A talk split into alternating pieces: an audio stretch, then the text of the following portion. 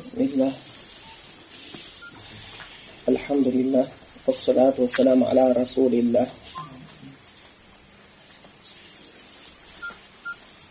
زند إمام نوايدين في الخديستر في الخديست جنانا سيدن شاء خديستنا كده كان بس بالخديست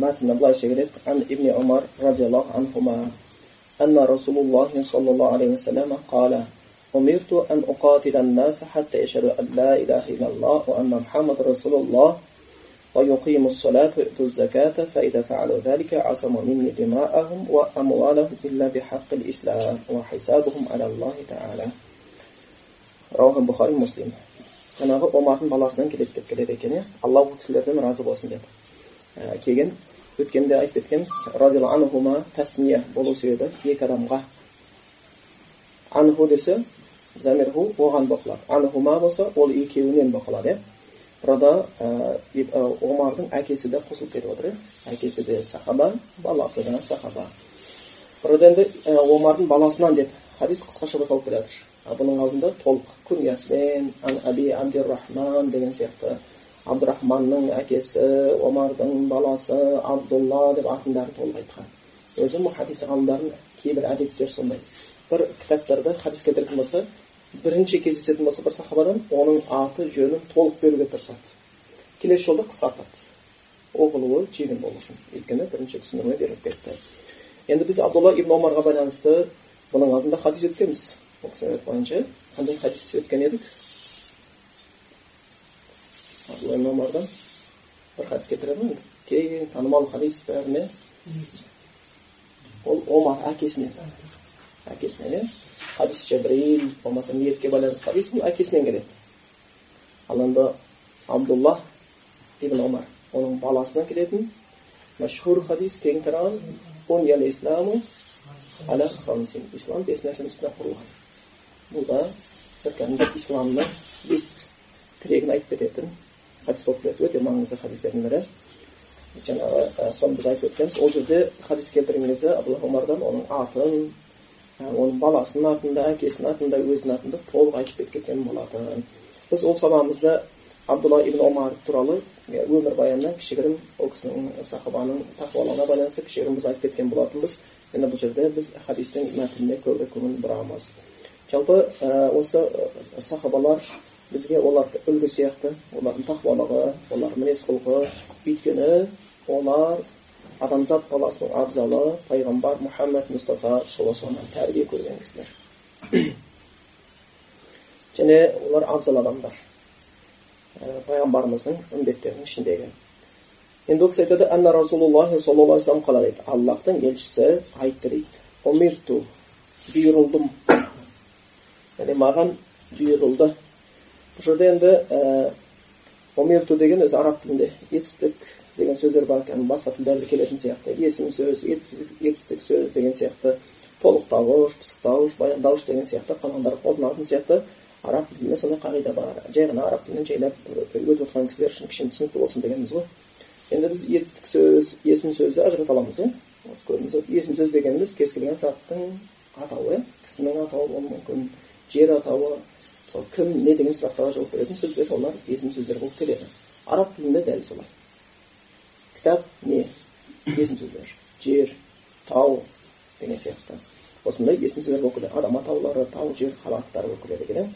енді етістік сөз бар етістік сөз дегеніміз өзі етістік бөлелек өткен шақ келер шақ осы шақ деген сияқты ә, жаңағы осы ә, етістіктің ә, және де ол ә, бір істің болғанын көрсетеді не істеп жатыр не қылды деген сұрақтарға жауап береді одан кейін етістікті атқарушы бір істің болуы сол істі істейтін адам болады ол араб тілінде фаил атқарушы деп келеді енді етістік арабтың грамматикасы мәжхулун және мәлумун деп екіге бөлінеді мәлум деп қояды мәлум деген белгілі деген сөз мәжхул белгісіз деген сөз неге ол мәлум неге ол мәшғул деп бөлінеді мәлум деген етістіктің атқарушысы белгілі мысалға дараба ахмад ұрды кім ахмад ахмад белгілі мысалға ол белгілі болып тұр иә ал машһур дегеніміз дуриба мысалға ұрылды ұрылды мысалға алатын болсақ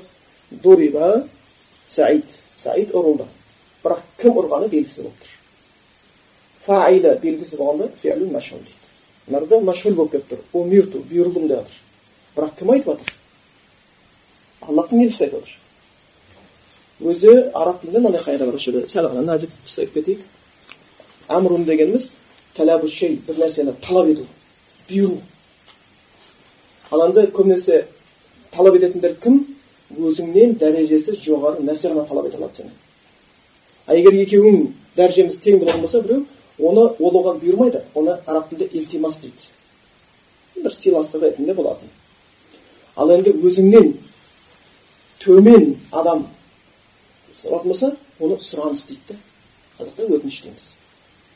Көбінесе бір жазады ғой арыз деген бар өтініш деген бар иә? Сол сияқты өтініш деп қояды. Сенен дәрежесі төмен адам бір істі істеуіңді сұрайтын болса оныкі өтініш болып қалады. Сенен дәрежесі жоғары кісі сенен бір нәрсе сұраса онікі талап болады бұйрық болады. Пайғамбар мұхаммед мұстафа саллаллаху вассаламнан ешбір сахабаның дәрежесі жоғары емес. Бірақ бүкіл адамзат баласынан болған олардың жаратушы аллах тағала. Сол үшін бұл жердегі хадис умирту бұйырдым деген сөз алла маған бұйырды деген мағына. Түсіндіңіздер ғой? Амарани робби деген сөз. Раббым маған бұйырды деген сөз. Өйткені пайғамбар шариғатты өздігінен еш нәрсені ойлап бір нәрсені халал харам деп айтпайды.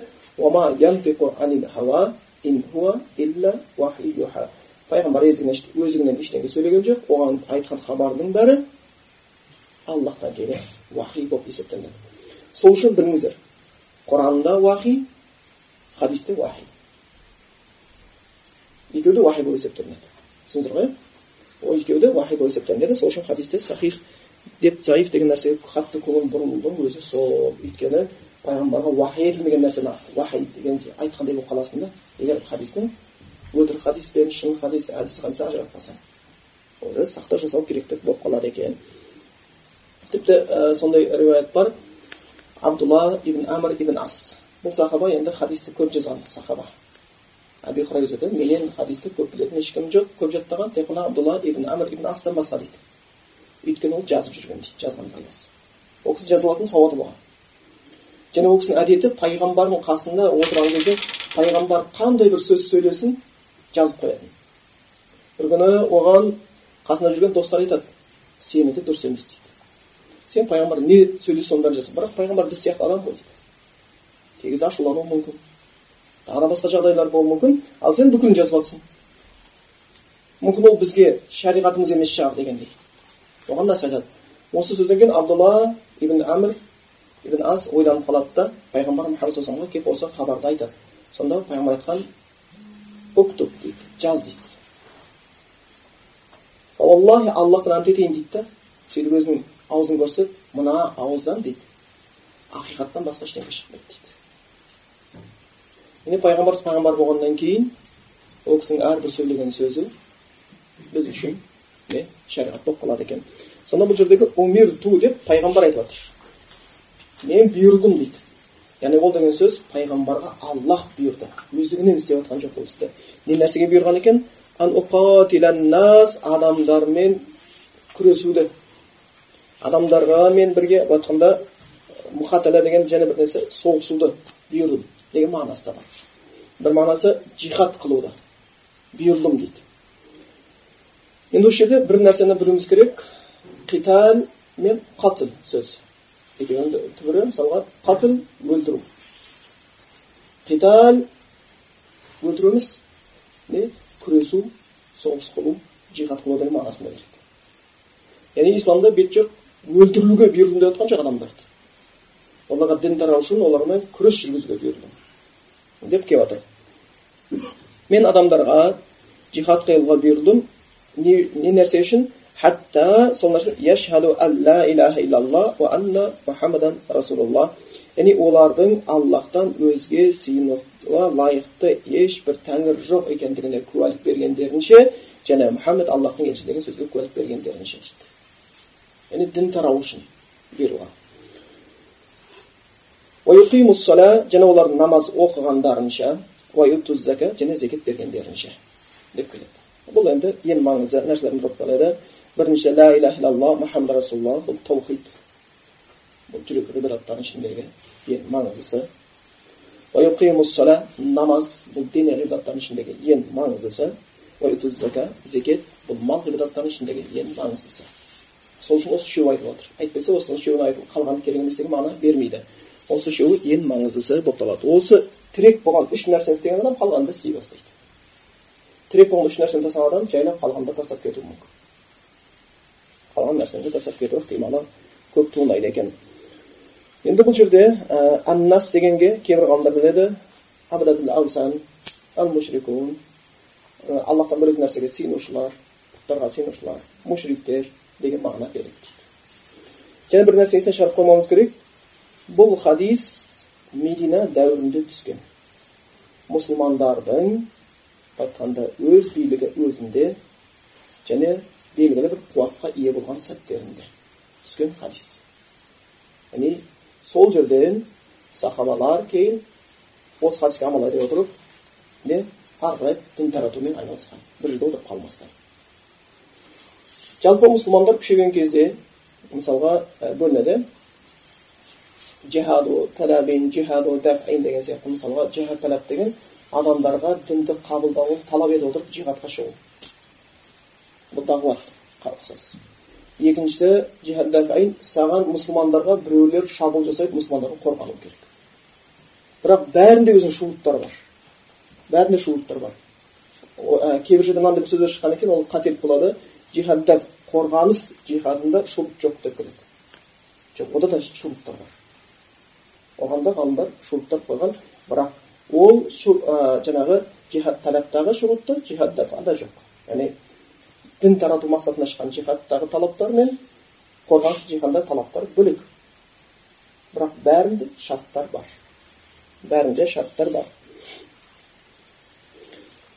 Яғни мен адамдарға осы бір ғана аллахтың сыйынуға лайықты екенін не екендігіне куәлік бергендерінше және мұхаммад аллахтың елшісі екендігіне куәлік бергендерінше намаз оқығандарынша зекет бергендерінше олармен күресуге бұйырылдым дейді аллах тарапынан. Егер олар осы нәрсені істейтін болатын болса яғни куәлік беретін болса аллахтың бір ғана өзі ғибадатқа лайықты екендігіне аллахтан бөлек нәрсеге сүйенуден бас тартса және олар мойындаса мұхаммед саллаллаху алейhi пайғамбарымыз аллахтан келген елші екендігіне және намазды оқи бастаса зекетті бере бастаса дейді олар менен дейді өздерінің қандары мен малдарын қорғаған болады дейді яғни мұсылман болуменен мұсылманның малы қаны харам болып шыға келеді ислам тек ислам хақысы бойынша ғана деп келеді оны біз түсіндіреміз және олар не себебі аллахқа деп келеді екен бұл хадис енді бұхари муслимде келген енді осы хадиске жайлап бір тоқталып өтейік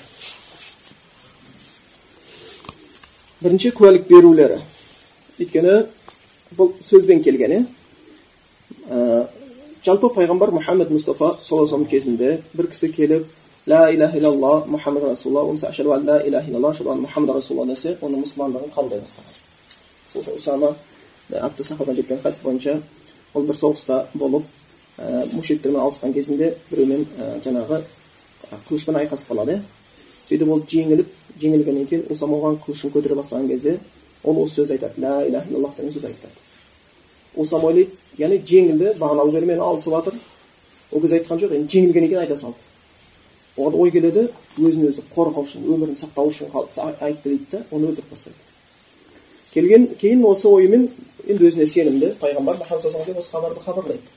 Бірақ пайғамбарымыз одан осы сөз естіген кезде сондай қатты ренжиді. Оған айтады лә иляха иллаллах деген сөз айтқаннан кейін оны өлтірдім ба дейді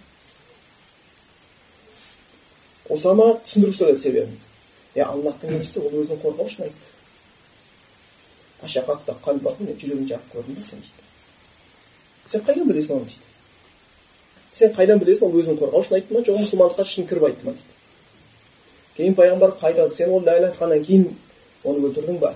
Деген сөздер қайта қайталайды енді қиямет күні сонымен дауға түскенде лә илахамен дауға түскенде не болады жағдайың деген сияқты сөзді көп айтқан соншалықты усама айтады мен бұған дейін исламды қабылдамай ақ қойғанмын ба? деген ой келді дейді да.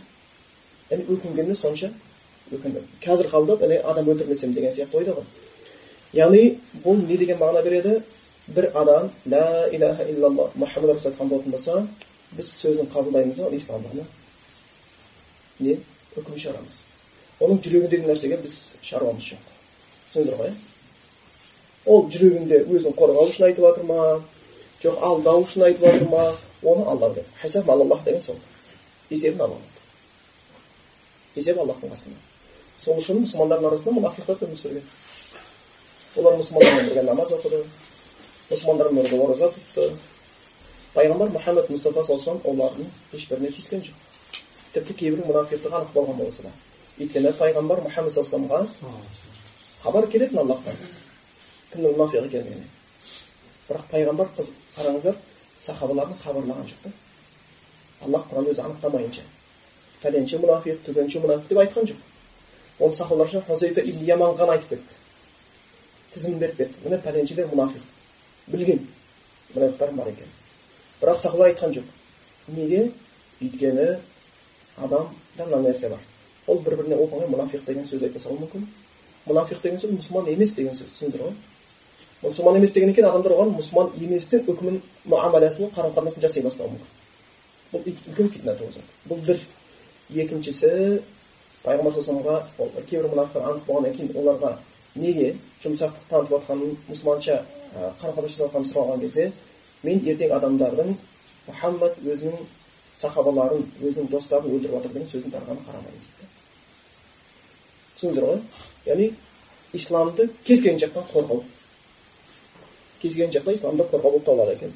Сол үшін бір адам ла иляха иллаллах мұхаммад расулаллахтан сөз айтқан болатын болатын болса сөзіменен яғни ол өзінің мұсылман екендігін айтып жатқан болатын болса біз жоқ сен мұсылман емессің деп сен бұны жек қорғану үшін айттың деп айта алмаймыз өйткені оның жүрегін бір ғана аллахқа мәлім біз сыртына қарап жаңағы не үкім береміз иә кәлима таухидты айтты намаз оқиды зекетін береді оразасын тұтады мұсылмандардың бәрі құрбан шалады деген сияқты шалған құрбанды жейді деген сияқты сыртқы нәрсесіне қарап үкім береміз болды ішкі дүниесі менің ойымша ол мұсылман емес ау ол кәпір болу керек ол мұнафиқ болуы мүмкін ол мұсылмандар өтірік алдап кіріп алған деген нәрсе біздің шаруамыз емес ол жерде оның есебі аллахтың қасында алла сақтасын бұл өмірде кейбір адамдар адамдардың алдында мұсылман кейпінде өтіп бірақ аллахтың алдында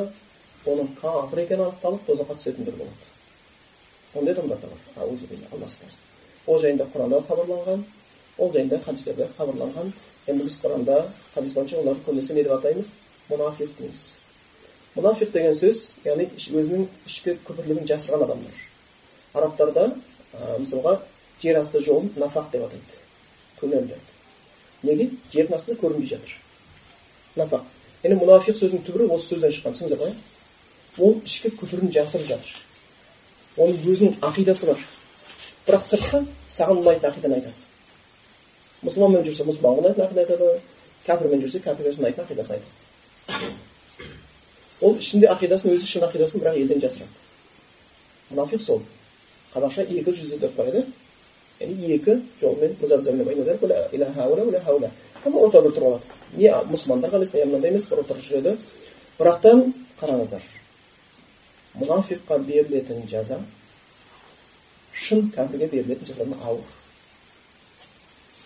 шын кәпір намазыңды оқымайды таухидыңды айтпайды ештеңе айтпайды бірақ мұнафиқ намазыңды оқиды оразаңды да тұтады кәлимаңды айтады бірақ оған берілетін жаза ауыр болады өйткені шын кәпірді сен кәпір деп білесің да одан не сақтанып жүре аласың мұнафиқты сен еш уақытта оны кәпір деп біле алмайсың мұсылман деп қабылдайсың одан кететін зиян үлкен болады және олардың істеп жатқан күнәсі аллахтың алдында да үлкен олар сол тірлігімен аллахты алдаймын деп жүр да аллахты алдаймын деп жүр сонда аллахтың жазасы ал аллахты алдаймын дегендерге берілетін жаза ауыр болады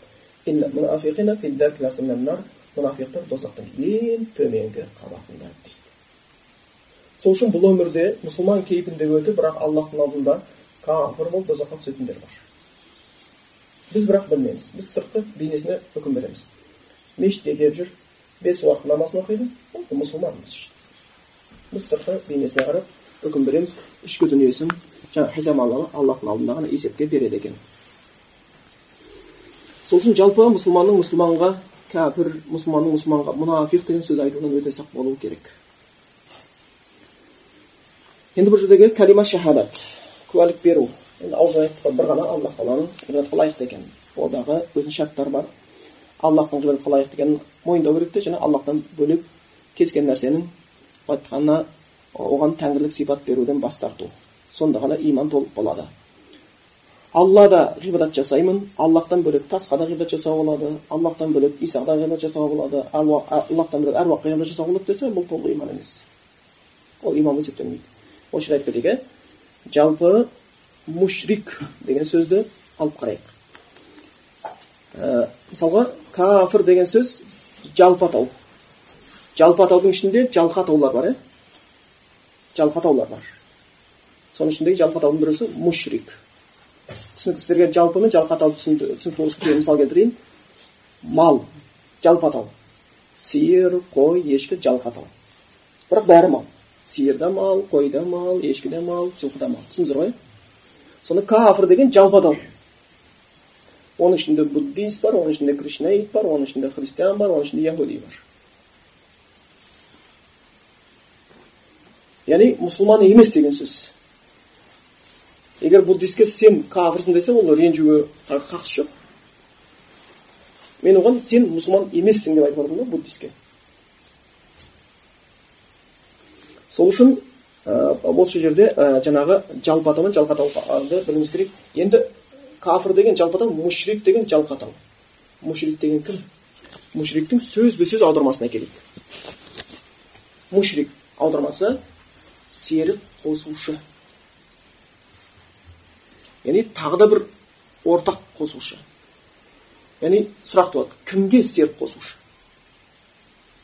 қалай ойлайсыздар мушриктер кімге серік қосады аллаға яғни бұл деген сөз мушрик деген сөз алланы мойындайды деген сөз. Түсіндіңіздер ғой мушрик деген құдайды мойындайды деген сөз емес мойындамайды деген сөз емес бұны айтып жатқан жерім ә, өйткені біз бір кісілермен кездескен кезде енді олар кейбір сөзімізді ә, енді ә, сәл біреуге жақпай қалсаң сөзің әйтеуір несін қосып аштықысын қосып үрпитіп жібереді ғой. Қазақтың бәрін кәпір деп жатсың қазақтың бәрін мушрик деп жатсың деген сияқты сондай сөздерді кездесіп қаламыз. Бірақтан олардың біз істеп жатқан күфір ісінен ширк ішінен қайтаруға айтамыз. Бірақтан қазақтың бәріне біз кәпір мушрик деп үкім бергеніміз жоқ. Енді осы жерде отырған бауырларымыз ішінде мен қарағандыға келгеннен бері қасымда жүргендер бар шығар деп ойлаймын. Сондықтан қазақтың бәрі болды кәпір мушрик деп ешкімге үкім берген жоқпыз. Сонда олар енді кейбір сөздерді толық түсінбеуге байланысты үкім берген болуы мүмкін. Бірақ ширк күнәсін ширк деп атамасақ күфір күнәсін күфір деп атамасақ онда адамдар қалай сақтанады одан? Түсіндіңіздер ғой егер біз күнәні күнә сауапты сауап деп айта алмасақ онда олар қалай оны ажыратады сол үшін амалдарға ширк күнәсін ширк деп атау беруіміз соны істеп жатқанға ширк күнәсін істеп жатыр деген атау бергеніміз күфір күнәсіне күфір деп атау бергеніміз соны істеп жатқан адамға күфір күнәсін істеп атау бергеніміз ол жеке адамға үкім бергеніміз емес біз оның яғни халықтың күфір мен ширкті ажыратып одан бойларын алыс ұстасын деген мақсатымыз бұл есептенеді енді бұны айтайын дегенім бір жерде болған кезде сондай бір кісілермен кездесіп қалдық бірақ олар енді ар жағында елге деген жанашырлықтары бар шығар бірақ діни сауатының төмендігіне байланысты олар бізбен дауласуға келді сонда сендер дейді әрбір істе қазақтың бәрі мушрик мушрик әркім мушрик айтасыңдар ол дұрыс емес сендер мушрик сөзін дұрыс түсінбейсіңдер деді сосын мүмкін бір не айтатын бар шығар онда біз дұрыс түсінбейтін шығармыз онда не деп сұрақ қойдым мушрик дегеніміз аллах тағаланы мойындамайтындар.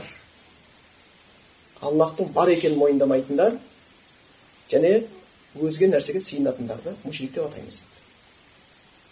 Аллах жоқ дейді бірақ аллахтың орнына басқа нәрсені құдай қылып алған. Деген түсіндірме берді сосын айттым енді сен осыған осы түсіндірмеңе құран хадистен дәлел әкеліп берші әкеліп бере алмады. Бұл өзінің ойы қалды түсіндіңіздер ғой бірақ құран хадисте келген мушриктер олардың бәрі аллахты мойындайтындар еді. Өйткені сөздік мағынасының өзі мушрик серік қосушы кімге? Аллаға. Ондай болса мушрик құдайды мойындайды бірақ құдайға мойындаған құдайдың қасында өзге нәрсеге сыйынады аллахқа сыйынғаны сияқты осыны ортақ қосу деп атаймыз. Түсінікті олай иә?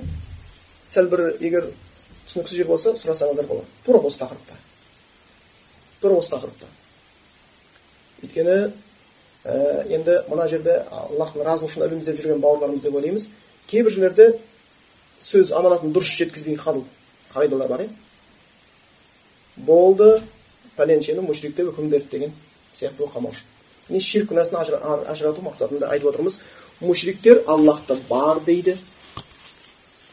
Мушриктер аллахқа ғибадат істейді мушриктер аллах тағаланы сүйеді бірақ олардың ол аллахты мойындағандары ол ғибадаттары ол махаббаттары құдайдың алдында қабыл болмайды. Өйткені ширк күнәні істеген үшін. Өйткені ширк күнәсі бүкілін жойып жібереді.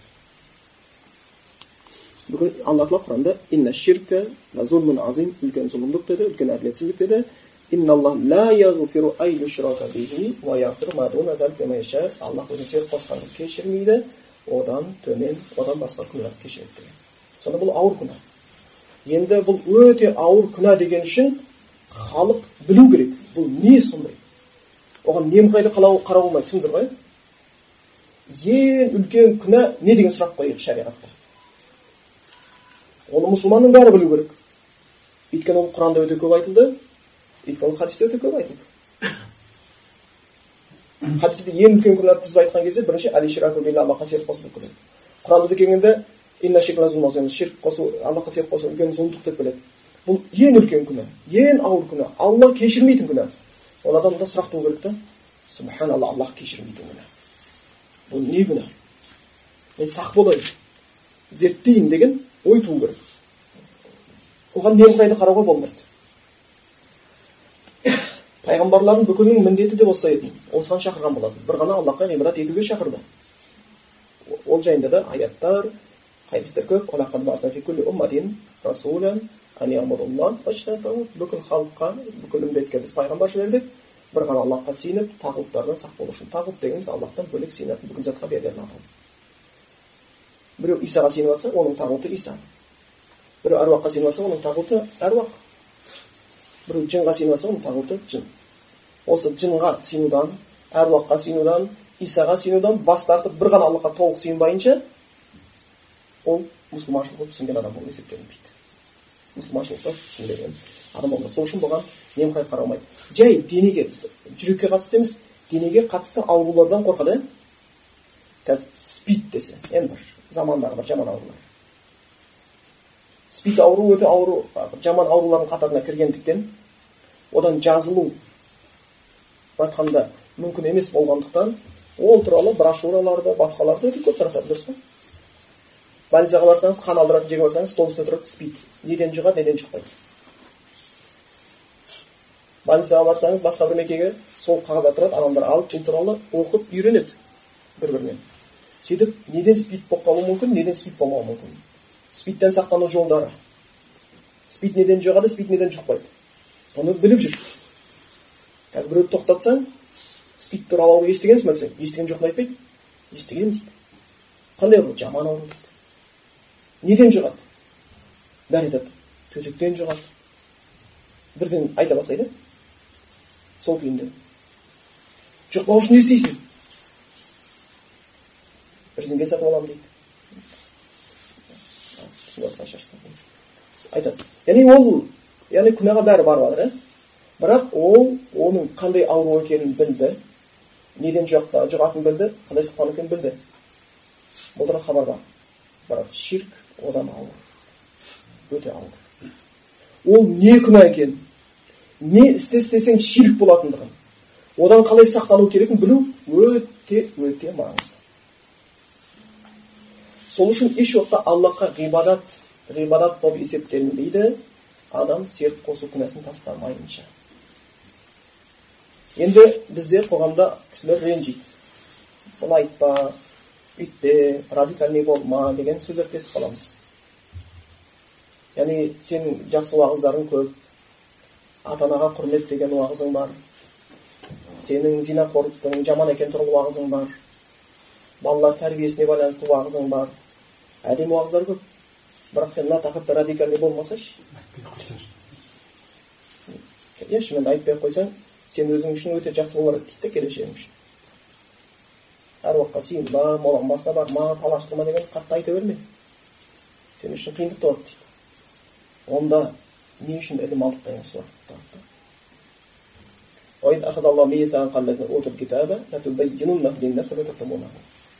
аллах ілім егелерінен уже серт алған. Ілім алудың жолы қиындығы сол түсініңіздер ғой бауырлар иә ілім ала бересің бірақ таратуды қиын өйткені сен аллахқа алдың сен мен аллахтың алдында уже серт бар жеткіз жасырма дейді да жарайды ештеңе кетпейді жарайды ештеңе кетпейді жарайды ештеңе кетпейді деп елдің бес тоқашын орап алумен ғана ілімін жинаған болатын болсаң жесіне барып желкені шығарып қарын шығарумен ғана шектелген болатын болсаң онда бұл ілімнің қадірі жоқ ол ілім сені қияметте құтқаратындығы не оны айтпаған кейін адамдар сақтанбайды спид туралы айтылмаған кейін адамдар спид турға көп түсуі мүмкін болған сияқты ширк туралы айтылмаған адамдар ширкке көп түсіп кетуі мүмкін бұны ширк ширк деп шиқылдай беру деп айтуда артықшылық болады. Өйткені пайғамбар мұхаммад және біздің пайғамбарымыз және бүкіл пайғамбарлар осы нәрсеге бұйырған өте бір маңызды нәрсе. Меккеде қайта осы тақырып өте көп айтылған. Намазға дейін келгенше қандай көп тақырып болады сондықтан жаңағы куәлік беруі бір ғана аллахтың ғибадатқа лайықты екенін білу біз бұрын ла иляха иллаллахты түсіндіргенбіз иә грамматикалық та бөліп түсіндірдік басқа да түсіндірдік жалпы мағынасы ла иляха сыйынатын ешбір тәңір жоқ яғни сыйынуға лайықты ешбір тәңір жоқ бар біреу тасқа сыйынып жатыр біреу күнге сыйынып жатыр біреу аруаққа сыйынып біреу олар ғибадат жасауға лайықты емес не пайғамбар не періштең ғибадат жасауға лайықты емес иллалла аллах қана лайықты сонда бұл сөздің мағынасы аллахтан өзге сыйынуға лайықты ешбір тәңір жоқ деген сөз аллахтан өзге сыйынатын зат жоқ деген ғана мағына емес өйткені аллахтан бөлек сыйынатын зат көп қой толып жатыр сыйынып жатыр ма елдер кім неге сыйынбай жатыр соңғы кезде құрбақаға да сыйынып жатыр ғой көріп жатсыздар иә феншуй дей ма не дейді бұрын жоқ еді бұрын жоқ еді ондай нәрсе дұрыс па вообще қазақ халқы ол құрбақаға бір берекет әкеледі деп оны аузына тиын істетіп қасына қойып қойып ондай нәрсе болған емес. Өйткені елдің елге жердің жерге араласуына байланысты келе береді. Лухай араб жазирасында ең бірінші ширкті алып қойған сол сосын тозақта ең қатты азап көретін сол барды да шетелге шығып сол жақтан барып олардың сиынып жатқан тастарын көріп қызық көріп арақты алып келді содан көбейді шаршап кетті. Дұрыс па түрік халқында ана көз моншақ деген бар. Көрген ше шиша? Ақ көк ақ көк. Бірақ ол түрік халқында болған емес. Түрік халқы еш уақытта ондай нәрсеге сыйынған емес. Қытай деген өлтіріп жасап жатыр қазір бәрі жерде тарап кетті. Магазинге кірсең сол гостиницаға кірсең сол машинаға кірсең сол бәрі жерде сол біз түрік ғалымдармен жолыққан сұрадық бұл не себептен? Қалып қайтамыз дейді. Бірақ тоқтамай жатыр. Өйткені адам баласын сәл ескертпесең ол күнәға түсіп әбден мүмкіндігі бар екен сол үшін лә иляха илалла аллахтан өзге сыйынуға лайықты ешбір тәңір жоқ мағынасын жақсы білу керек мағынасын жақсы білу керек мағынасын білгеннен кейін адамда амал болады пайғамбар мұхаммед мұстафа саллаллаху алейhi осы сөзді абу жахилге айтқанда араб қой олар арабша түсінеді иә әбу айтқан кезде басқа да араб мүшриктеріне айтқан кезде олар бұл сөзді айтпай қойды. Түсінбейміз деп айтқандықтан емес олар мағынасын түсінді да айтудан бас тартты. Неге? Өйткені бұл сөзді айтса олар өздерінің сүйініп келе жатқан лат озза манат деген және де басқа тәңірлерден бас тарту керек еді. Лат озза манат деген бұлар өздерінің аталары иә. Қажылыққа келген адамдар күтіп алып шығарып салып тамақ істеп беріп жүрген адамдар қайтыс болғаннан кейін соған сыйындым үстіне тастарын қойып қойды бітті мен ата бабама сыйынбаймын бір аллахқа сыйынамын деп сөз еді сосын олар біз бүгін сыйынған нәрсені тастап бір құдайға сыйынып кетейік па ақылға сыймайды деп олар қарсы шықты ол мағынасын білді енді бізде оның мағынасын білмей бірақ айтып жатырмыз ля құр айтпау керек оның мағынасын түсіну керек оның мағынасын түсіндіріп алу керек болады егер сіз нотариуске баратын болсаңыз бір договор жазсаңыз машинаңызды сататын болатын болсаңыз ескі ақ машина болсыншы тек жигули болсын нива сататын болсаңыз қағаз толтырғаннан кейін пәленшеге доверенность беріп жатсаңыз сізге нотариус қағаз шығарады да ознакомьтесь дейді да оқыңыз дейді түсінсеңіз қол қойыңыз оқыдым ознакомлен деген сияқты ертең нотариус жауап бермейді саған қол қойдырып алады дұрыс па оқыдым түсіндім деген сияқты. Қаншаға сатып жатсың қаншаға ақша беріп жатсың кімге қанша уақытқа жылға беріп жатсың болмаса полный сатып жатсың ба жоқ әлде оны доверенностьпен беріп жатсың ба соның бәрі жазылады. Кімнің атынан кімге беріліп жатыр қарап ойбай мынарда менің бір фамилиям бір фамилия бір әрбі дұрыс болмай қалды деп айтасың. Сол күйінде. Ал енді сен жәннатқа кіру үшін. Бұл сөз жәннатқа кіргізетін сөз сені бұл сөз сені дозақтан сақтайтын сөз сені бұл нотариустың жазып берген сөзінен көп емес. Бұған көңіл бұру керек. Сен машина нива емес жәннат алайын деп тұрсың. Сен проблемадан құтылған емес сен дозақтан құтылайын деп тұрсың. Сол үшін бұл сөзге мән беру керек. Пайғамбар осы сөзді келіп айтты. Я юханнас ей адамдар қулу айтыңдар ла илаха иллаллах ла илаха деген сөз айтыңдар туфлихун құтыласыңдар дүниенің проблемасынан ақыреттің проблемасынан құтыласыңдар. Пайғамбар ол сөз бізге де айт деген сөз біз де сол сөзді айтуымыз керек құранда айтады біл ілімін біл дейді мағынасын біл илаха сөзін дейді ондай болатын болса біз айтып жүрген сөзіміз мағынасына көңіл бұруға тиістіміз атам мұсылман апам мұсылман деп жай ғана жалқаулық жасауға болмайды біз өзімізге керекті қанша информацияларды алып жүрміз дүние істерінде адамға жақындату жақындау үшін қанша информациялар аламыз аллахқа жақындататын сөздің информациясын білуге ұмтылмау ол әлбетте дұрыс іс болмайды сондықтан бұл жерде кейбір имамдар болмаса кейбір молдалар кейбірсе кейбір ілім халықты ақиқатқа шақырып кезде оларға құр ренжіп қана қоймастан не айтып жатыр екен осы сөздің мағынасын біз де бір үңіліп қояйықшы деген сөз керекті болады екен яғни олардың куәлік бергенінше олармен күресуге бұйырдым дейді бірінші бір ғана аллахтың сенің лайықты екенін мойындау керек екінші мұхаммад расулалла мұхаммад біздің пайғамбарымыздың аты аллахтан ол кісіге иелік пен болсын аллахтың екіншісі екенін мойындау бұл аллахтың елшісін мойындау деген екен бұған дейін де сабақта айтып кеткенбіз ахмара пайғамбардың пайғамбар мойындаған екен сен айтқан сөздеріңді мойындау керексің растауың керексің пайғамбардан бір хабар жетті ма хадис жетті ма соны растап керек болады екен амара бір нәрсеге бұйырған болса бойұсынасың бір нәрсе қайтарған болса қайтасың пайғамбар үйреткен нәрсемен аллахқа ғибадат етесің. Пайғамбарды әкеңнен шешеңнен артық сүюге тиісті боласың. Оның сүннетімен жүруге ұмтыласың. Сол үшін лә иляха иллаллах деген сөз бірінші сөз бізге бір ғана аллахқа сыйынып аллахтан өзге нәрседен ширктен бас тартуға бұйыратын болса мұхаммад расулаллах деген сөз пайғамбар мұхаммад сүннетімен жүріп оның сүннетіне қарама қайшы болып кез келген бидағаттан алыс болуға бұйырады. Лә иляха иллаллах деген адам бір ғана аллахқа сыйынамын десе мұхаммад расулаллах деген сүннетпен жүремін деген сөз. Лә иляха адам ширктен алыс боламын дейтін болса мұхаммад расулаллах деген сөз бидағаттан алыс боламын деген сөз осы сөз айтқаннан кейін өзі дінің сонымен дұрыс болады кімде кім осы сөздің мағынасын шын түсініп ықыласпен ілімін біліп айтса ол кісінің қалған құлшылықтары түзеле бастайды кімде кім алғашқы исламның кіріспе осы сөзін білмесе қалған құлшылықтары минус кете бастайды сондықтан исламның басталуы осы сөзбен исламға кіру осы сөздермен оны түсінген кезде қалған нәрсені түсіну де адамға оңай бола бастайды екен. Бірінші тақырыпта түсініксіз болып қалатын болса келесі тақырыпта түсіну оған қиын болады. Және намаздарды оқулар. Біз енді намазды оқулар деп аударып жатырмыз. Бірақ бұл қысқа аударып қалды. Burada иқамату сала яғни арабтың қама яқуму деген сөзден шыққан тұрды тұрады. Юқимус дегеніміз тұрғызу.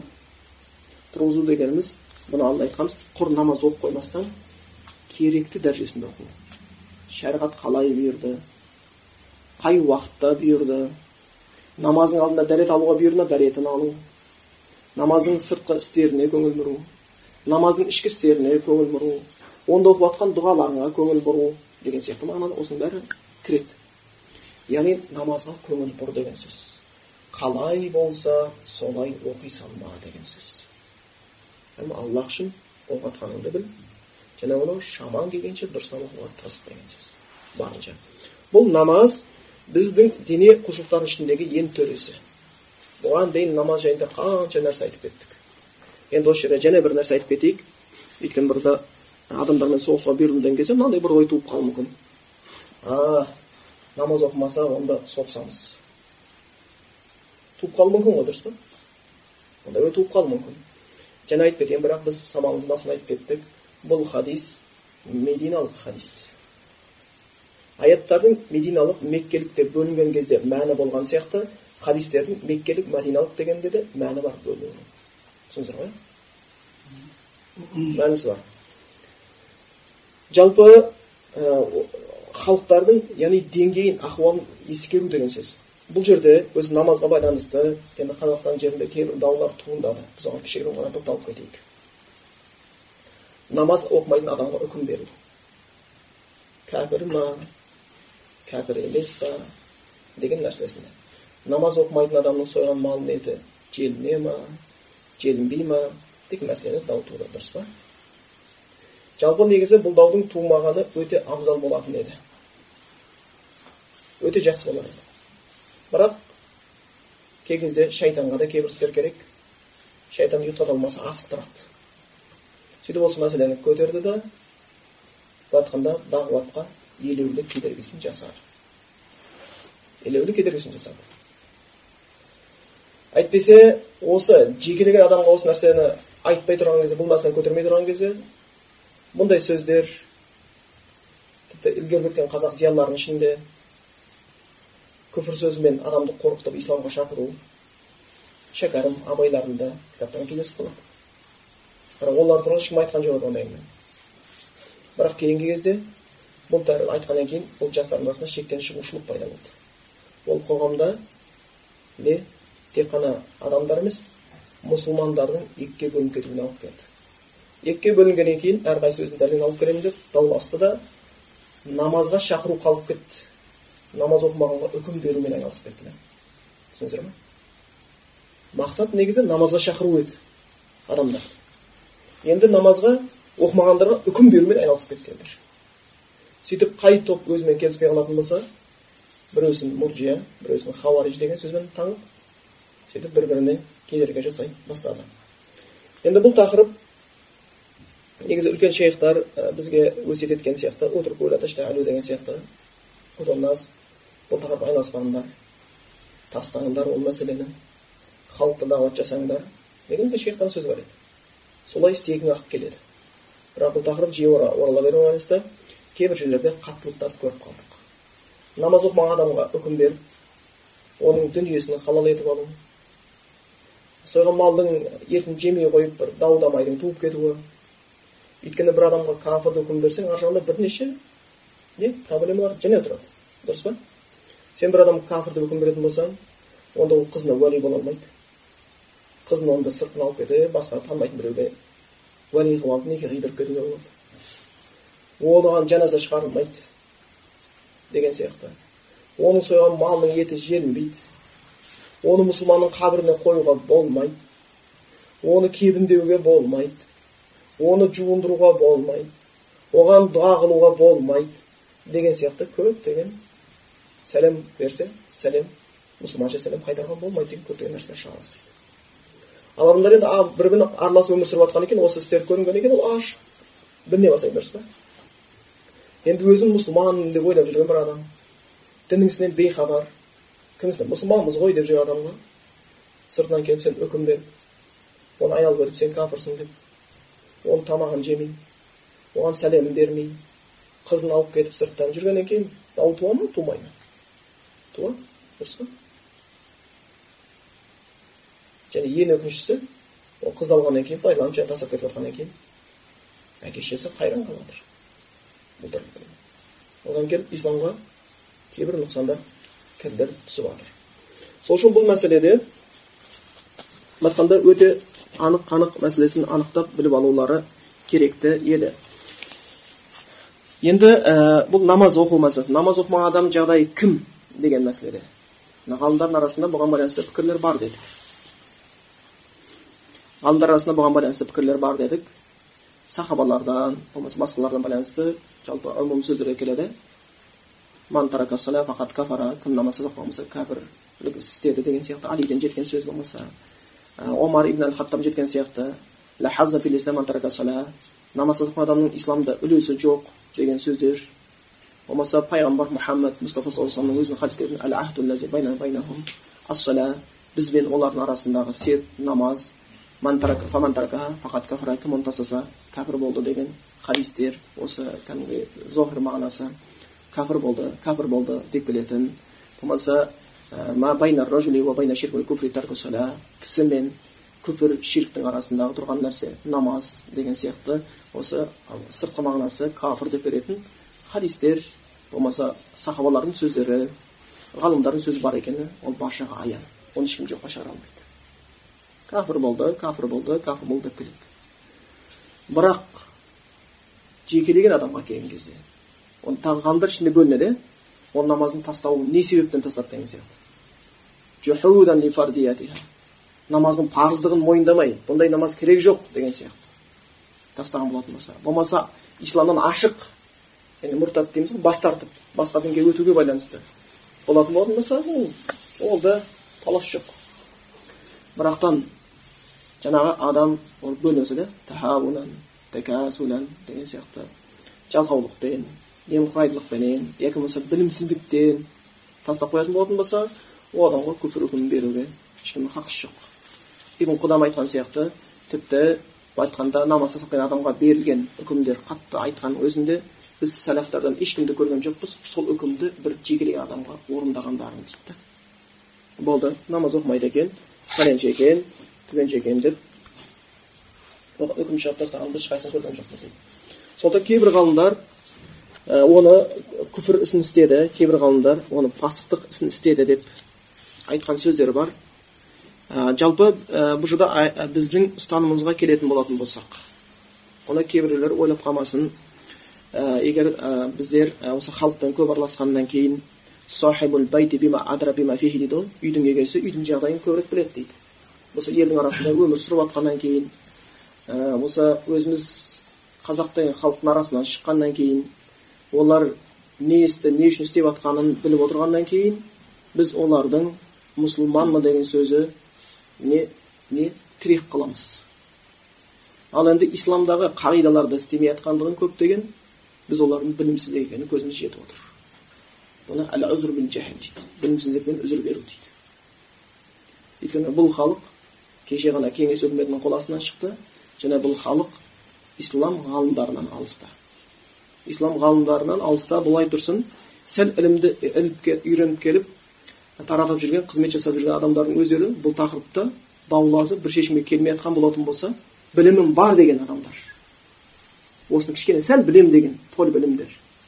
Онда қарапайым халық туралы не айтуға болады?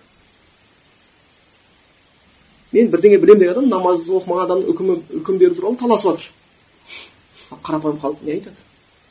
Бірақтан біздің көзіміз көріп жүрген елмен араласуға байланысты сен біреуге намаз оқимын деп барсаң саған намаз оқытпаймын деп айтпайды ғой дұрыс па? Бір мат алып келеді. Мынау жуған едім таза дейді. Мынау жарай ма деп қояды болмаса бір бөлмесін береді де шығып кетеді мына жерде намаз оқи бер деген сияқты. Яғни бұл жерде бір нәрсені көріп тұрмыз ал пайғамбарымыз кезіндегі мушриктерде егер бір сахабалар намаз оқимыз десе не істейтін еді тоқтататын тіпті адамзат баласының ең абзалы пайғамбар мұхаммед мұстафа саллаллаху намаз оқыған кезде не істеді оған намаздың үстінде үстіне түйіншек қарын төгіп тастады көрмейсің ба? Намаз оқыған құлды тыйғанды дейді да. Яғни бұл жерде және бір ұқсас еместіктер бар. Түсіндіңіздер ғой? Енді пайғамбар мұхаммад саллаллаху кезінде құран оқыса сахабалар олар не болды? Олар таяқ жегендер болды. Абдулла ибн масуд қағбаның түбіне келіп рахман сүресін оқыған кезде өлермен қылып ұрып тастады. Құран аятында келді құранды дауысты қатты оқымаңдар және іштей де оқымаңдар орта жол оқыңдар бұл не үшін сол мушриктер үшін еді? Қатты оқыса қарғыс айта бастайтын еді да. Әй өңеші тамағың жыртылған деген сияқты. Бүкіл білетін қарғысын айтып шығатын бірақ өзің не істейтін неғып оқы деді. Ал қазіргі кезде құран оқи бастасаң олар не істейді? Тыңдайды шуламаңдар ей құран оқыңдар деп қояды да. Және өзі айтады да құран оқып берші деп. Дұрыс па? Өзі айтады құран оқып берші атама дер апама дер ағасына дер құран берші деп. Тіпті кейбір жерде құран оқыған кезде ерекше құрметтерді көріп әшейінде кимейтін орамалын сол кезде кигіш болып еркек адамдар тақия таппаса басына салфетка қойып отырған нәрселерді көргенбіз бұл олардың сәл де болса не? Исламға бір иық беріп тұрғандықтары исламға бір иық беріп тұрғандар. Және сол адамдар пайғамбар саллаллаху пайғамбарлығын мойындайды дұрыс па мұхаммед кім десең пайғамбар ғой деп қояды балаларының аттарын қояды махамбет деп басқа деп құл мұхаммед деп сол сияқты аттарды қойып отырады балаларына ол атты құрметтеп ал пайғамбарымыз кезіндегі мүшриктер пайғамбарымыз пайғамбарлығын мойындамады худайда сүлхында мұхаммад расулаллах десе расулаллах деген сөз алып біз оны мойындамаймыз дейді өшіріп тастайды. Али айтады мен өшірмеймін дейді. Өшірмесең договор жоқ дейді. Біз оның пайғамбар екенін мойындамаймыз дейді. А біздерде оның пайғамбар екенін мойындайды. Егер осы халыққа барып құран кімнің сөзі десең аллахтың сөзі деп қояды. Дұрыс па? Одан бір берекет күтеді. Ауырса молдаға барып құран оқып шипа іздейді. Адамдар. Ал пайғамбарымыз кезіндегі мүшриктер не деп айтты? Құранға? Башар адамның сөзі деді сихру юсар сиқыр деді әзірет сиқырды үкім берді сол үшін осы тұрғыларды есептеп қараған кезде олардағы кетіп жатқан кемшіліктердің көпшілігі не? Білімсіздіктен болып тұр. Түсіндіңіздер ғой. Ал білімсіздіктен болатын болса оларға үзір беріледі. Үзір беріледі. Сол үшін және біз айтамыз мен мұсылманмын деп отырған адамға сен кафірсің деп ешқашан үкім бермеген емеспіз. Және де айта кетейік кейбіреулер ойлайды екен дарын бұны біреуден қорыққаннан айтты деген бір кей кезде сөз шығып қалады екен. Болмаса дарынға біреу жәбірлетіп зорлатып айтып жатыр деген сияқты. Жоқ. Оны біз ғалымдардың сөздеріне қарай отырып жаңағы осы тақырыпта айтқан және халықтың ахуалын біле отырып айтқан сөздеріміз. Ал енді бұл жаңағы жалпы ә, мәселеге келетін болатын болсақ намаз оқымаған адам оның үкімі қандай? Мұсылман ба? Мұсылман емес пе деген секілді тақырыпта біз ғалымдардың сөздері бар деп айтып кеттік. Бірақ жекелеген адамға келген кезде олар шарттар қойған. Дұрыс па? Шурут дейді шарттар болу керек ол сәйкес болу керек. Мауани кедергі болып қалмау керек. Олардың түсінігінде намды намазға емес иститаб деген нәрсе бар тәубеге шақыру деген бар. Истифсар халын анықтау деген нәрсе бар. Жағдайын анықтамайынша ешкімге күфір үкім шығармаймыз. Оған қазы болады. Ілім егесі болады бұл қағиданың бәрін кім істейді кім істейді сол үшін біз емес екенбіз оларға үкім беріп тастайтын бірақ та бұл жердегі ешқандай зорлықсыз ештеңкесіз ешкімнің жәбірлеуінсіз бір нәрседен қорқудан емес біз мұсылманмын деп тұрған халықты мұсылман деп есептейміз ал олардың діндегі білімсіздіктерін оларға үйретуді өзіміздің мойнымызға парыз деп және есептейміз енді осы жерде және бір нәрсе айтып кетейік намазға байланысты ол мәселе намаз мен мұсылманмын деп. Бір адам мұсылман деген адамдар айтып жатырмыз естеріңізге айтып қояйық. Аслу фиман деген ғалымдар сөзіне сүйеніп отырып. Основа кім өзін исламға барып тіркеген болатын болса мен мұсылманмын деп бастаған болатын болса мұсылман деп әңгіме айтамыз дейді. Түсіндіңіздер ғой мұсылман деп айтамыз дейді. Бұл жерде. Бірақ бұл деген сөз намазға немқұрайды қарауға алып келуге тиіс емес. түсіндіңіздер ғой. Ей мұсылман намаз оқымай ақ қойса оқымай ақ қойсын мұсылман болса болды деген нәрсе алып қоятын болса бұл иржа болып кетеді. Мұржияның үкімі болып өйткені қай жерде намазға немқұрайды қаралды сол жердің бәрінде мұсылмандар намаз тастап қойған. Адамда сондай. Сәл бір пендешілік бар. Нәпсіге еріп кету бар. Енді ештеңе етпейді десең намаз оқып жүрген адам өз намазын тастап қоюы мүмкін да намаз оқымай жүрген адам былай тұрсын. Бастамақ тұрмақ. Намаз оқымайтын адамның намазын бастауы емес намаз оқып жүрген адамның намазын тастауы көбейіп кетеді. Ол да өте қатерлі нәрсе. Сол үшін сала намаздың маңыздылығын әрқашан білуіміз керек. Енді қараңыздар ғалымдар намаз оқымайтын адамға кафір фасик деп таласты деген. Біреу кәпір деді біреу пасық деді. Екеуінің қайсы әдемі сөзін ойлаңыздаршы? Қайсы ой керемет тайып машалла деп біреу айтты ма тамаша намаз оқымаса жүрегі керемет оның намаз оқымай оқымай бірақ оның намаз оқығаннан артық деп айтқан біреу бар ма бәрібір адам қатерде түсіндіңіздер ғой бәрібір адам қатерде намаз оқымай ақ қоюға болады деген ешқандай бір себеп туғызбайды ол жерде сол үшін егер құран аятына келетін болсақ алла құран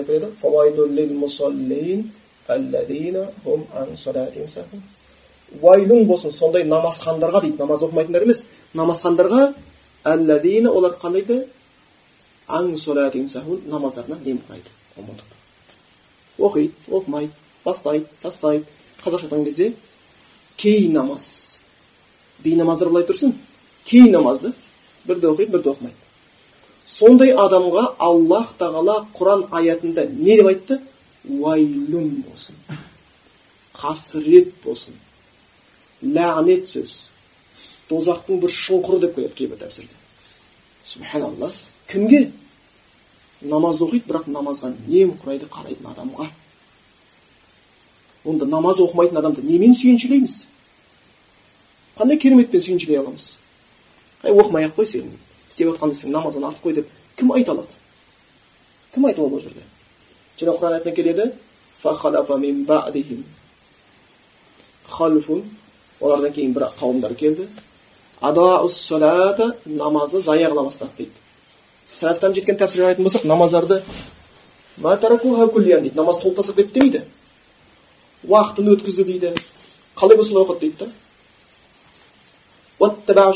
шахуатқа еріп кетті дейді. Өйткені намаз тастай қалсаң күнәға бейім бола бастайсың. Намаз оқымайтын адамдардың ішінде күнәдан өзін сақтаулары өте аз. Намаз күш береді күнәдан сақтауға намаз адамды үлкен кіші күнәдан тосады деген аят бар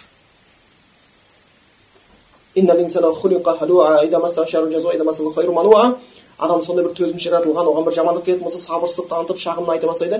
Жақсылық келсе сараң болып шығады да бірақ намаз оқитындар ондай емес дейді.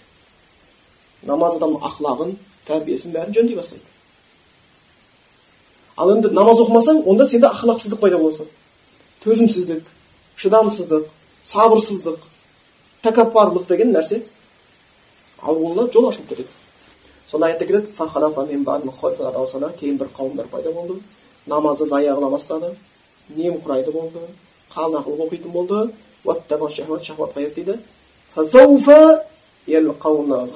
Олар ғойға тасталынады дейді ғойды бір тәпсірде келеді тозақтағы жаһаннамдағы бір шоңқыр дейді тозақ деп келеді несі жақсы несі жақсы бұл кімдер бұл кімдер намазды бірде оқып бірде оқымай жүрген адамдар біз оларға кафір деп айтқан жоқпыз бірақ жазасының ауыр екенін ескертіп қойғымыз келеді және айтамын мен мұсылманмын деген кез келген кісіге қазақ болсын өзбек болсын ұйғыр болсын мен мұсылманмын деп тұр ма дін істерін құрмет деп жатыр ма бірақ оның кейбір істерінде ширкісі бар кейбірісінде күфірісі бар білімсіздік бар істеп жатыр білімсіздіктен істеп жатыр мен мұсылман деп тұрса біз ешбір ешкімнің мәжбүрінсіз ешкімнің зорлығынсыз оны мұсылман деп мойындаймыз бірақ сол намаз оқымай жүрген мұсылмандардың намаз оқымағандығы үшін кейбір намаз оқымағандарға болмаса намазды зая қылған адамдарға оқиды қалай болса адамдарға берілген жазадан өзіміз де шошимыз. И оларға хабар бергіміз келеді. Ол бейнамаздықтан алыс болулары үшін. Бейнамаздан алыс болу үшін. Сол үшін оған қатты көңіл бұрулары керек. Намазды оқуларға тиісті. Оған қалай болсын немқұрайды қарау мүмкін емес. Сондықтан ертең қияметтің күнінде қияметтің күнінде ең бірінші сұрақ намаз жайында болады дұрыс болды ма қалған ісің дұрыс болады дұрыс болмады ма қалған ісің бұрыс болады сол үшін намазын оқымай біреуге білім жетпей жағдай болмай кеңес өкіметінде өмір сүріп өтіп кетті мейлі намаздан тыйды оның ілімі аллахтың алдында бірақ мынандай заманда намаз оқуға саған мүмкіндік берілген кезде өкіметтің өзі мешіттеріңді соғып беріп жатқан кезде имамдар ақиқатқа шақырып жатқан кезде намаз оқымауға өзір айту ол өзіңді өзің алдаудан басқа түк емес. Ертең ол аллахтың алдына барған кезде әкең де шешең де саған намаз оқымай ақ қойсаң болды еңбегің адал ғой деген молдаң да көмектеспейді. Сонда бұның намаз оқымаудың қатерінің де ауыр екенін естен шығармаған өте дұрыс болар екен. Және зекет беру дейді зекет беру енді бұл ә, малдан жаңағы парыз болған садақаны айтып жатырмыз бұл жерде садақалар нәпіл адам қалаған уақытысында береді ал зекет дегеніміз оның малы нысапқа толып сол нысапқа толғаннан кейін ол жаңағы байлардың өзінің мал дүниесінен кедей кепшіктердің хақысын беруі ол кедей кепшікті мұқтаж дегеніміз енді тәубе сүресінің алпысыншы аяты ма сода келеді фуқара пақырлар масаки міскіндер араларын бөледі енді пақыр деген мүлдем түгі жоқ адам ертең не жер білмейді міскін деген енді тіршілігі бар ертең не жейтін адам бірақтан жеткізе алмайды анаған тартса маған жетпейді деген сияқты басын жапса аяғы ашылады деген сияқты міскіндер болмаса сол зекетті таратуға айналысатын адамдар оған да ол нәрсені алуға болады жүріп тұрғаны үшін өйткені зекет тарату маңыздылығын қараңыздар зекет тарату маңыздылығы соншалықты зекетті таратып жүрген адам бай болса да оған үлес беріледі содан маңызды өйткені бұл жұмыс қалып кетпеу керек та. Оны біреу істеу керек оны біреу тарату керек. Оған уақытын бөлу керек. Өте маңызды болғаны үшін. Жаңағы және де зекет берудің жаңа біреусі жүректерін дінге шақыру үшін жұмсарту үшін мұсылман емес адамдарға қазір оған бір кішкене сыйлық жасасам дінге кішкене жақсы болады ау деген ой болатын болса сөзін тыңдайды десек онда зекеттен оған да беруге болады ханафи мазхабында кейбір кітаптарында жаңа осы сегіз адам ғой берілетін сол алып тастағандары да болған өйткені ислам діні уже мәртебеге ие болған біреудің жүрегін жұмсартуға мұқтаж емес дейді кірсе кірді кірмесе қойды дейді біз оларға зекетті бере болмаймыз деген сөздер де бар екен ханафи мазхабының ғалымдарының ішінде одан кейін құл азат етуде енді біздің заманымызда құл азат ету жоқ кейбір ғалымдар айту бойынша мұсылман кісі жазықсыз түрмеге түсіп қалатын болатын болса оны түрмеден шығарып алу үшін жұмсалған ақша да соған кіреді деген ұғымдар беретіндер бар екен одан кейін жаңағы біреу қарызға батқандар біреу қатты қарызға батып құла алмайтын болса зекеттен оған беріп е қарыздан құтқаруға көмектесуге болады екен болып табылады екен және кейбір ғалымдар айтады осы жерде және бар аллах жолында дейді аллах жолына жәбір кіргізетіндері бір жас жігіт үйленгісі келіп жүр шахуаты көтеріліп бара жатыр бірақ бұның қаражаты жоқ үйленуге дейді соған дейді қаражат беріп үйлендіріп жіберуге де болады дейді зекеттен ондайды көмек жасауға болады екен үйлене алмай жүр ниеті дұрыс ақылағы дұрыс діні дұрыс жаңағы бар үйленгім келсе шамасы жоқ оған да зекеттен ақша беруге болады мынау бір артист шақырғанда емес тойына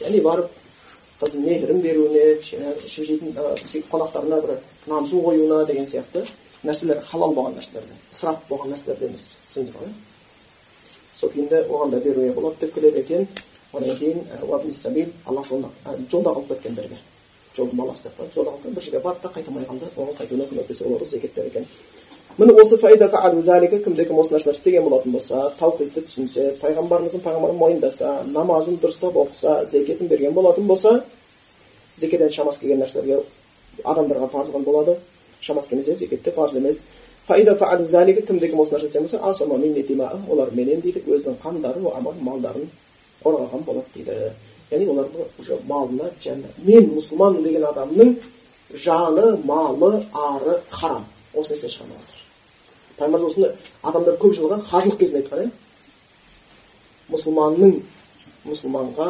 жаны малы ары харам осы үш үлкен нәрсе біліңіздер себепсіз себепсіз біреудің мұсылман дүниесін қалай болса жарата беруге болмайды ұрлап алуға болмайды деген сияқты болмаса себепсіз мұсылманның қанын төгуге болмайды себебі сыртынан ғайбат өсек айта беруге болмайды харам бұның бәрі. Өте қатты тыйым етілген тек ислам хақысымен ғана. Ислам хақысымен деп жатқаны бұл жерде қандай нәрсе? Мұсылман болды оған уже қанын ешкім төгуге хақы жоқ. Бірақ мұсылман адамның кей кезде қан төгіліп қалған қандай жағдайда? Айтқанда жасы үлкен кісі бала шағасы бар әйелі бар. Зина жасайтын болатын болса. Шариғат бойынша ол таспен ұрып өлтіріледі. Бірақ бұл осымен үкімет ететін мұсылман елдерінде ғана. Түсіндіңіздер ғой? Сонымен үкімет ету мұсылман елдерінде ғана болады. Екінші жаңағы бір кісі бір кісіні өлтірген болса диет деп қояды құн талап етеді. Кісі кісіні өлтіріп қойды. Не соның өлтірген үшін ана адам өзі өлтіріледі. Болмаса туыстары келісіп жатқан болса еркек адам болса жүз түйе құны төлеу керек болып қалады. Әйел болса жарты жаңағы құны болып есептелінеді екен болмаса кім дінін тастаған болатын болса кім дінін айырбастаса басқа дінге оны өлтіремін деп келеді екен сондықтан бұл нәрсе ол не толық үкім ету басқару жүйесі мұсылманша болған елде істелінеді өйткені оған қазы керек оған мемлекет басшысының үкімі керек болады оны әрбір адам жекелеген пәленше менің ағамды өлтірді мен оны өлтіремін деген оған ешқандай хақысы жоқ түсіндіңіздер ғой пәленше зина істеді оған жаза беремін деген ешқандай хақысы жоқ ол шариғатқа дұрыс нәрсе істеп жатқан жоқ өйткені оның қазысы бар оның есебі бар кәдімгі өзінің процесі бар ол да шариғат бойынша істелінуге тиісті болып табылады екен енді олардың есебі аллах үшін дейді яғни біз сыртына қарап біреу ля иляха илlallah мұхаммад болды намаз оқыды зекет берді болды біз үшін мұсылман ол мұнафиқ ол қорқып істеп жатыр үйтіп жатыр бүйтіп жатыр деген сөз айта алмаймыз. Жүрегін аллахқа тапсырамыз бізге сыртқы ісі аллахтың алдына барып өзі береді оны шын істеді ма өтірік істеді ма соған қарай аллахтың алдынан сыйын алады болмаса жазасын алады. Аллах тағала әйтеуір әрқашанда мұсылмандарға жақсылық нәсіп етсін деп аллахтан тілейміз. Осы бір хадисімізден достан бір не қылып қояйық аллах тағала білмеген нәрсемізді баршамызға білдірсін ұмытқан нәрсемді есімізге салсын. Аллах тағала ел жұртқа тыныштық берсін. Аллах тағала айтады баршамызды аллахтың жолында хикметпен көркем уағыздармен шақырушылардан болмасын нәсіп етсін